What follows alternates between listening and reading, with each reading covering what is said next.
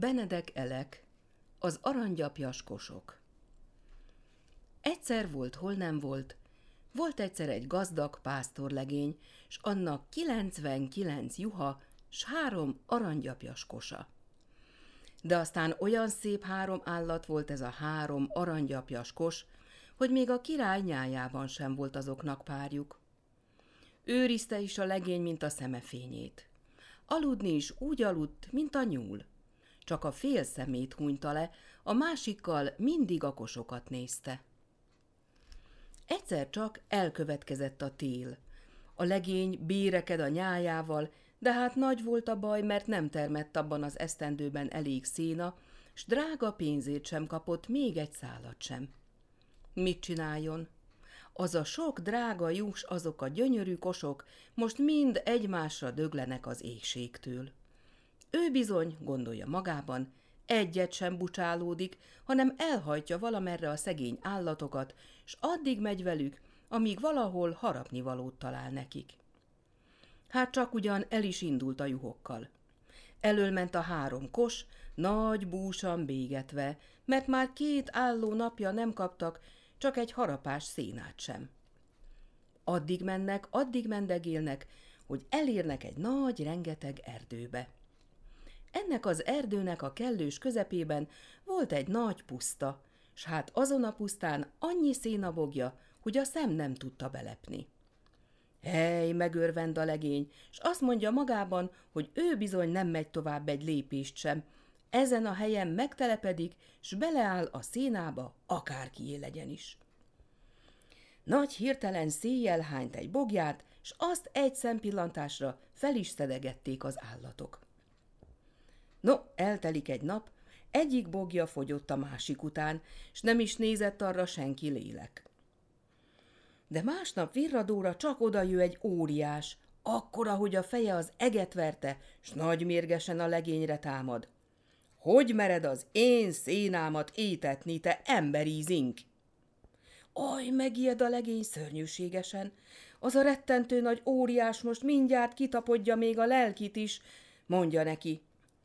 Ne haragudjék, óriás bátyám uram, hiszen megfizetem, amit a juhaim megettek. Nem kell a pénzed, mondta az óriás, hanem most mindjárt ölj meg harminchárom juhot, s egy aranygyapjas kost, azokat egyszerre süsd meg, mert ma még nem früstüköltem. Mit csináljon szegény feje? Meg kellett, hogy ölje azokat a drága szép juhokat, de még az aranygyapjas kost is. Ej, de szomorú volt a legény. Szinte megrepett a szíve, mikor a kést az aranygyapjas koshasába akasztotta. De már ennek meg kellett történni. Előkerít az óriás egy rengeteg nagy üstöt. Abba beléhányták a teménytelen sok húst, aztán olyan tüzet csaptak alá, hogy még hetet-hét országon is túl világolt a lángja. Meg is sült egy percre annak a 34 állatnak a húsa, s az óriás, akár hiszitek, akár nem, csak belémerített háromszor az üstbe az ő kanáljával, s három falásra, mindegy befaló falásig bekapta azt a finom tokányt. Azzal azt sem mondta, hé legény, cseréljünk pipát, s tovább állított. No, mondta a legény magában, én ugyan jó drágán megfizettem azt a kicsi szénát. Tusakodott vajon ott maradjon-e? Ő bizony ott marad. Nem bánja már, ha ennyiben van, egye meg mind amennyi juha van, az a nagybelű óriás. Megint csak nekiesett két-három bogjának, széjjel hánytas jól tartotta a juhait. Elkövetkezik a másnap reggel, s hát megint ő az óriás. Már messziről kiáltotta, hamar legény, hamar, harminchárom juhot, s az aranygyapjas kost, mert ma még nem früstököltem.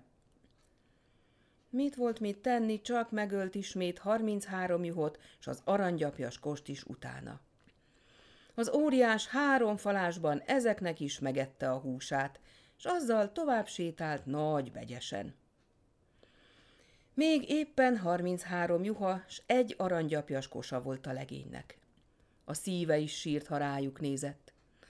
Ha még ezeket is megeszi az óriás, elmehet világgá, úgy marad, mint az ujjam. Elkövetkezik a harmadik reggel is, hát csak ugyan jő az óriás, s messziről kiabálja. Hé, legény, hé! Hát azok a juhok még élnek? Mindjárt megöld valamennyit, mert különben szörnyű halált halsz. Könyörög a legény, istenkedik, hogy hagyja meg már azt a keveset, de az óriás még egy jufarkát sem engedett. Hallod-e, hé? mondta a legénynek. Ne húzalkodj nekem sokáig, hanem duvazd ki a bőrükből azokat a juhokat, mert különben csúfot látsz. Megöli a legény mindegy szálig a juhokat, meg a kost is. Beléhányja a töménytelen húst az üstbe, és egy nagy rúddal keveri, keveri nagy keservesen. Egyszerre az óriás mit gondolt, mit nem, leheveredik a tűz mellé, s elszenderedik. Na megállj, te istentelen, gondolja a legény, nem eszel ebből a húsból, tudom azt az egyet. Azzal csak kimerített egy kanál jó forró zsírt, s az óriás szemére locsantotta. Szörnyűt bődült az óriás, felszökik a tűz mellől, tapsant ide, tapsant oda nagy lábaival, ha valahogy rátapsinthatna a legényre. Na te emberízink, ordított az óriás. Kioltottad a szemem világát, de vigyázz, hogy a kezem közé ne kerülj, mert erősen megkeserülöd.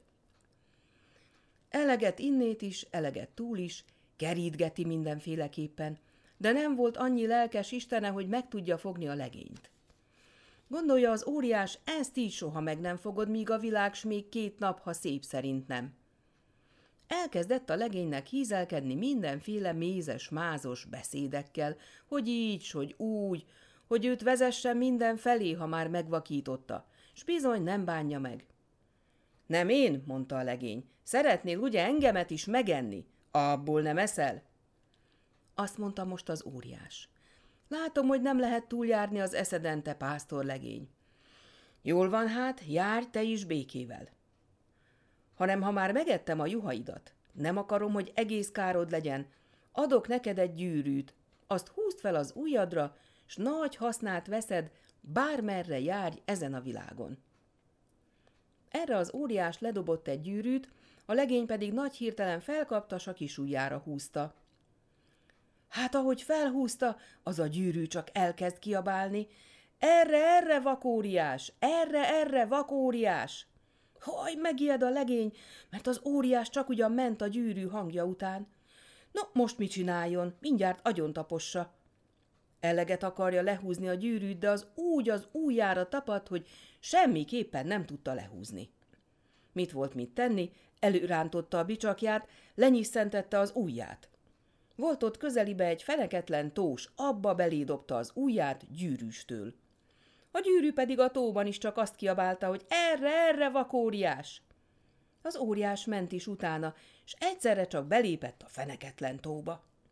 Úgy elmerült benne, hogy soha meg nem látta többet az Isten áldott napját. No, ettől nem kell többet félnem, mondta a legény, hanem most már én is mehetek világgá. Elindul a legény, megy, mendegil a nagy rengetegben. Amint menne, találkozik egy szörnyű nagy fekete medvével. El akar futni, de a medve megszólal, s azt mondja neki. Állj meg, hé, ne fuss, mert számadásom van veled. Tudod-e, hogy ki vagyok én? Én annak az óriásnak a testvére vagyok, akit te megvakítottál. Megölhetnélek, de most meghagyom az életedet. Hanem azt mondom neked, hogy meg nem merj házasodni az életben, mert ha még a világ végén leszel is, megtalállak, szörnyű halált halsz.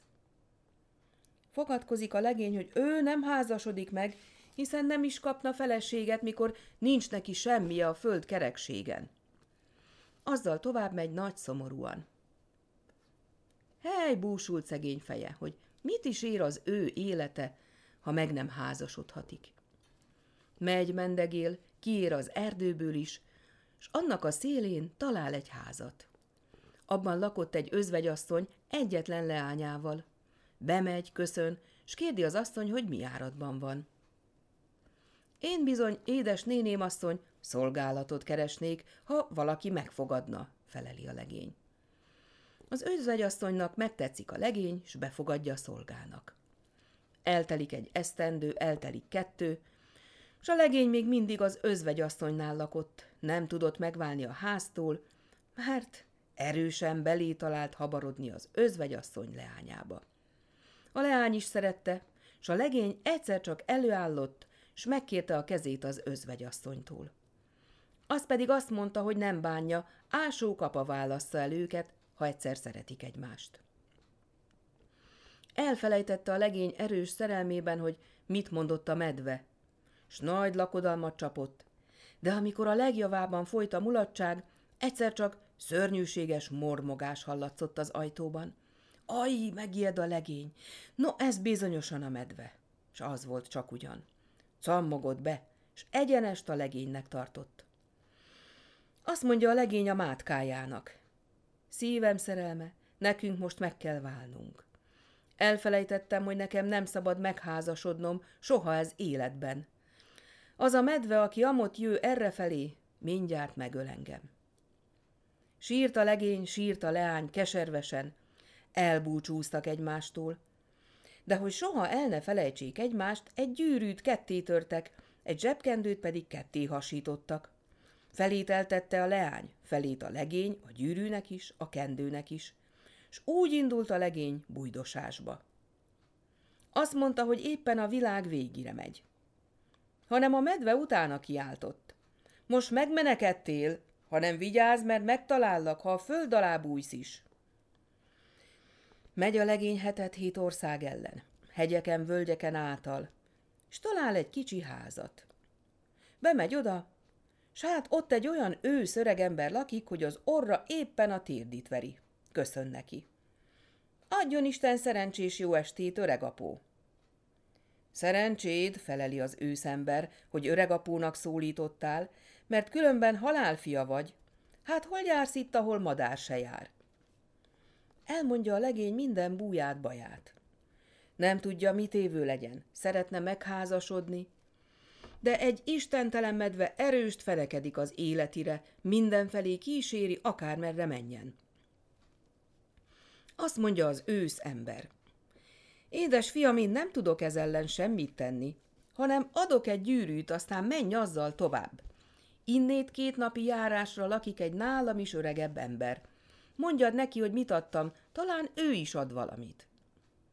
Megköszöni a legény a gyűrűt, s tovább indul. Két nap múlva csak ugyan elérkezik, ahová az őszember igazította. De abban a házban olyan őszember lakott, hogy az elsőnek apja lehetett volna. Köszön ennek is. Szerencsés jó estét, öregapó! Áldott szerencsét, hogy öregapónak szólítottál? Hát mi szélvetett ide, édes fiam? Mondja a legény a dolgát, s hogy egy őszember igazította ide, ha ő is adna valamit. Azt mondja az őszember. Egyebet én sem adhatok, fiam, gyűrűnél. Csak tedd el jól, s menj még két napot. Aztán találsz egy házat. Abban még nálam is öregebb embert. Majd áld az is valamit. Megy a legény, s meg sem állott, míg ahhoz a házhoz nem ért. Ott ült egy nagy karosszékben az ősz ember. Az ölében egy nagy könyv volt, s abból olvasgatott. Köszön a legény, az őszember fölnéz, s azt mondja. No, éppen kerek száz esztendeje, hogy embert nem láttam. Hát te hogy kerültél ide, te szegény legény? Mondja a legény, hogy miben jár. Jól van, édesfiam, ne búsulj. Adok én is egy gyűrűt neked, tedd a többihez. Aztán menj tovább, s addig menj, míg az út két felé nem válik. A két út közt van egy domb. A három gyűrűt tedd le oda, te pedig feküdj rájuk, s el ne mozdulj reggelig, aludj ott egész éjjel. Mikor reggel megébredsz, három nagy kutya lesz melletted a három gyűrű helyett. Egyet szólíts minden tudónak, egyet világon látónak, s a harmadikat szólítsd földnehezének. Menj aztán ezekkel, amerre a szemed lát, ne félj a medvétől. Megköszöni szépen a legény a jó tanácsot, elbúcsúzik, s tovább indul. Másnap estére kelve keresztúthoz ér, s ott meg is állapodik. Hát csak ugyan volt egy domb ott.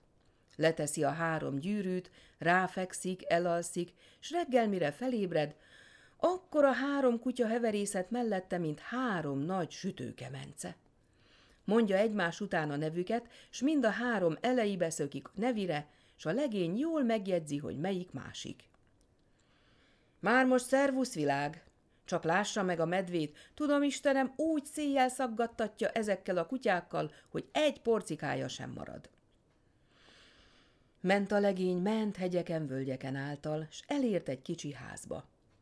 Ott lakott egy csúnya, vén boszorkány, s beszegődött hozzá szolgának. Azt mondta neki a boszorkány, hogy nála nem lesz egyéb dolga, csak minden nap menjen vadászni, és hozzon egy nyulat. El is ment a legény már első nap nyulászni, s magával vitte a kutyákat is. Amíg odajárt, csak beállít a medve a boszorkányhoz, s megkérdezi, hogy egy ilyen sien legényt nem látott-e. De bizony láttam, mondta a boszorkány. Nálam van szolgálatban. Noha nálad van, bizony meg is ölöm, mondta a medve. A boszorkány erre azt mondta, hogy tőle ugyan megölheti, mert neki az a legény senkie, ő bizony kútba nem szökik utána. Aztán elegyeztek, hogy a medve fekszik az ajtó küszöbén belül. Nagy hirtelen vájtak egy gödröt, s abba feküdt, hogy se a legény, se a kutyák észre ne vegyék, mert különben mindjárt összetépik, s mikor a legény belép, csak szökjék a nyakába, s folytsa meg. Befekszik a medve a gödörbe, s aközben a legény is hazaindul a vadászatról egy nyullal. Amint jödögélnek, csak összedugja az orrát a három kutya, s minden tudó azt mondja. Ti csak maradjatok a gazdámmal, én előre futok, mert baj van otthon. Azzal megfutamodik, s ahogy hazaért, egyenest a küszöbnek ment, s ráfeküdt. Hazaérkezik a legény is a másik két kutyával, be akar menni, de minden tudó nem mozdult el a küszöbről. Átlépte volna, de akkora volt, mint egy sütőkemence. Eleget mondta szépen neki, hogy kusfélre minden tudó, de minden tudó meg sem mozdult. Rúgta, verte, bizony nem mozdult az. Mit volt mit tenni, az ablakon kellett, hogy bemásszék. Aztán beült a tűzhely mellé, a nyulat megsütötte, a boszorkányjal megették, és a medve meg sem mert moccanni a gödörben. Másnap is elmegy a kutyákkal vadászni. Mérgelődött, morgolódott a medve, hogy nem ölhette meg a legényt. Hogy is ölhetné meg? Mindazon törte magát. Azt mondja a vén boszorkány. Hallod-e te medve? Tudom én, mit csinálj. Ássunk a katlan alá egy gödröt, feküdj oda, s mikor oda megy, hogy a nyulat megsüsse, szökél ki a gödörből, s dobd a tűzbe. Na, úgy is tesznek. Gödröt ásnak a katlan alá, s a medve belefekszik. De minden tudó azt is tudta, s ismét megsuttintotta a társainak, hogy baj van otthon. Fogja magát világon átallátó, belé heveredik egy pocsolyába, azzal előrefut, Otthon egyenest ráfekszik a tűzre, s az mindjárt kialudt. Hazaírt a legény is. Meg akarja sütni a vacsorát, de hát világon átallátó ott fekszik nagy lucskosan, egy szikra tűz sincs, hiába kiabál neki, hogy kuss hiába ütiveri, el nem mozdult az onnét. A legény nagy mérgibe kiment a házból, lefeküdt a csűrbe, s akkor a kutyák is utána sompolyogtak. De bezzek csak most mérgelődött Isten igazában a medvekoma. Azt mondotta a vén boszorkánynak, hogy ha holnap el nem pusztíthatja azt a legényt, akkor őt pusztítja el. Jól van, nem bánom, esküdözött a boszorkány. Szaggas 77 darabra, ha holnap meg nem ölheted az Isten telent. Feküdj most az ágy alá, ott csak meg nem látnak azok az ördöngös kutyák, mert bizonyosan a kutyák mesterkednek ellenünk. És amint belép, Ugorj ki az ágy alól, s vele, amit akarsz. Elmegy a legény harmadnap, a kutyák is vele mennek, a medve pedig béfekszik az ágy alá. Hanem minden tudó ezt is jól tudta, s megint csak összesúgtak, búgtak. Áj, megrugaszkodik erre földneheze, s hazáig meg sem állott. Befut a házba, s egyenest felfekszik az ágyba. De úgy ránehezedett az ágyra, hogy a medve meg sem tudott moccanni, s a legény békességesen megsüthette a vacsorát, aztán jól lakott, elnyúlt a tűzhely alatt, s úgy aludt ott reggelig, mint a bunda. A vén boszorkány pedig nem találta a helyét, csak hogy ki nem törte az erős nyavaja szörnyű félelmében. Vége az életének, ha a legény elmegy hazulról. Gondolja, még próbál egyet, hát ha azzal a legényt is elpusztíthatná, s az ő életét pedig megmenthetné. Azt mondja a legénynek, mikor felkészült, hogy vadászni induljon. Minek is viszed magaddal azokat a nehéz kutyákat, hiszen azok úgysem fogják el a nyulat. Ne fárazd mindig, inkább rekezd be a csűrbe, míg te odajársz. A legény szélese világét sem gondolta, hogy a medve a háznál van. Hallgatott hát a boszorkányra, s csak ugyan be is rekesztette a kutyákat a csűrbe. Azzal elment vadászni. Jő haza este felé, s hát a medve csak elejébe toppan. Megijed a legény, ósdi neki, vesd el magad, megfutamodik, hátra a kertbe, s felmászik egy fára. Mászhatsz, kiáltott a medve. Még az égbe is felmászhatsz, már meg nem szabadulsz a körmöm közül. Könyörgött a legény, kegyelmezzen fiatal életének, de a medve mind csak azt kiabálta. Szállj le onnét, mert ha nem, én szállítlak le, azt pedig nem köszönöd meg. Jól van, mondta a legény, leszállok, csak engedd meg, hogy elébb hármat kiáll csak. Kiálthatsz tizenhármat is, úgyis halálfia vagy. Kiállt a legény, ahogy csak a torkán kifért. Nye, minden tudó! Hallja ezt minden tudós, mondja a többinek. Hé, halljátok-e, a gazdám az én nevemet kiáltotta. Talán bizony álmot láttál, mondta világon átallátó, s földneheze, mert ők csak ugyan nem hallottak semmit. Egy kis idő múlva ismét kiállt a legény. Hé, világon átallátó, hé! Hallja ezt világon átallátó, s mondja a másik kettőnek. Nem hallottátok? Mintha most engem szólított volna a gazdánk. Most minden tudós föld neheze nem hallotta, s azt mondták világon átallátónak, hogy bizonyosan álmot látott. Harmadszor kiállt a legény, ahogy csak a torkán kifért. Hé, földneheze, hé! Most földneheze hallotta a kiáltást, a többi pedig nem. De bizony az én nevemet hallottam szólítani, mondta földneheze. Noha igen, szólott minden tudó. Menjünk, mert a gazdánk veszedelemben van.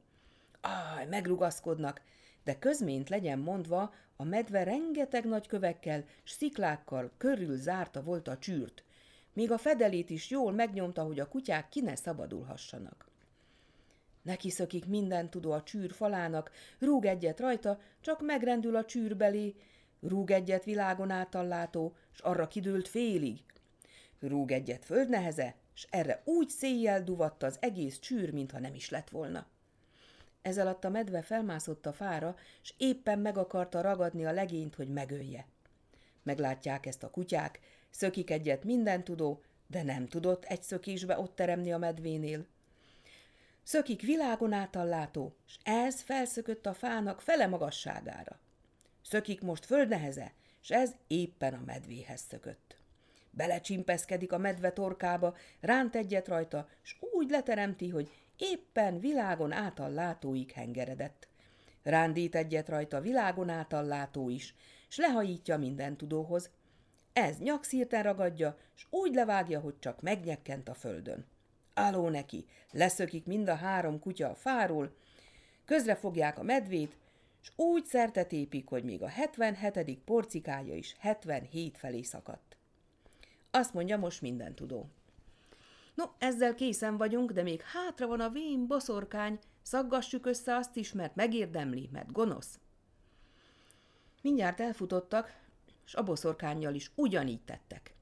De bezzeg örvendett a legény, hogy már többet nem kell félnie a medvétől. Hálálkodott magában az ősz embereknek, hogy neki ilyen áldott hű kutyákat adtak. Gondolja, már nincs rájuk több szüksége, visszaviszi, szépen megköszöni, és talán elmegy haza, ha ugyan lenne még otthon keresni valója. Megérkezik a legöregebb ősz emberhez, elmondja, hol járt, miken ment által, és vissza akarja adni a kutyákat.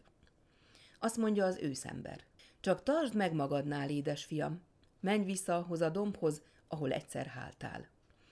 Háj ott az éjjen is, s reggelre a három kutyából három gyűrű lesz újra. Azokat vidd el magaddal, s nem vallod majd kárát. Megköszönte az őszember jóságát, elbúcsúzott tőle, s meg sem állott addig a dombig.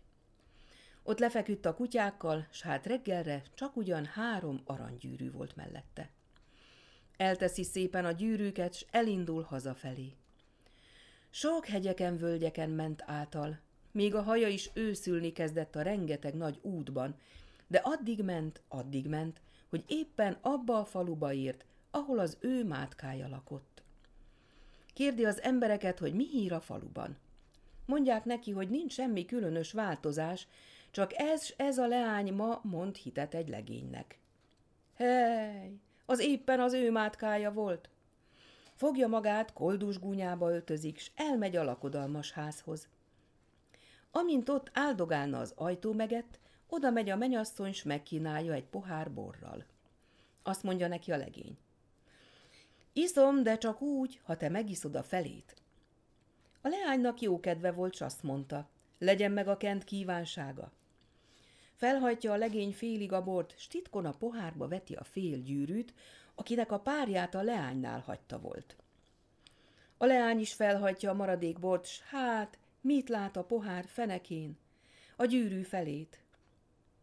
Hát ezt hol kapta Kend? Ott, ahol te a másik felét. Közben előveszi a legény a fél zsebkendőt is, s azt mondja, ha már bort ittam, meg is törülöm a számat. Hát azt hol kapta Kend? Ott, ahol te a másik felét. Hely, szalad a leány a ládájához, kinyitja, s előveszi a fél gyűrűt, s a fél kendőt. Összeteszik a két fél gyűrűt, a két fél kendőt, s hát úgy talál, mint a bodosi lakodalom, sem több, sem kevesebb. De lett is nagy öröm. A leány mindjárt a nyakába borult a régi jegybéli mátkájának, s a másiknak azt mondta, jó utat, ahol sár nincs. Csaptak aztán olyan lakodalmat, hogy sánta mihókbá, ott törte ki a lábát a nagy táncolásban. Hát a három gyűrűvel mi lett? Azzal a három aranygyűrűvel az lett, hogy lakodalom után kezébe veszi az ifiasszony, nézi, nézi, s mondja, hogy milyen jó volna ez a három gyűrű az ő ujjára. Még jól ki sem tudta mondani, csak kiesik a kezéből mind a három gyűrű, s láss csodát! Olyan gyönyörű három aranygyapjas kos lett azokból, hogy olyan gyönyörűt még emberi szem nem látott. Örvendezett az ember, hogy azt sem tudta, melyik lábára álljon, s esküdözött égre, földre, hogy ezek a régi kosok, akiket az óriás felfalt. Alig mondta ezt, bégetni kezd a három kos, s hát, mintha csak a földből termettek volna elő, bélyomlik az udvarra a 99 jú. Még csak most lett igazi kedve az embernek. Hiszen ez így éppen jó volt. Eleget sanyargott szegény feje. Még ma is élnek, ha meg nem haltak.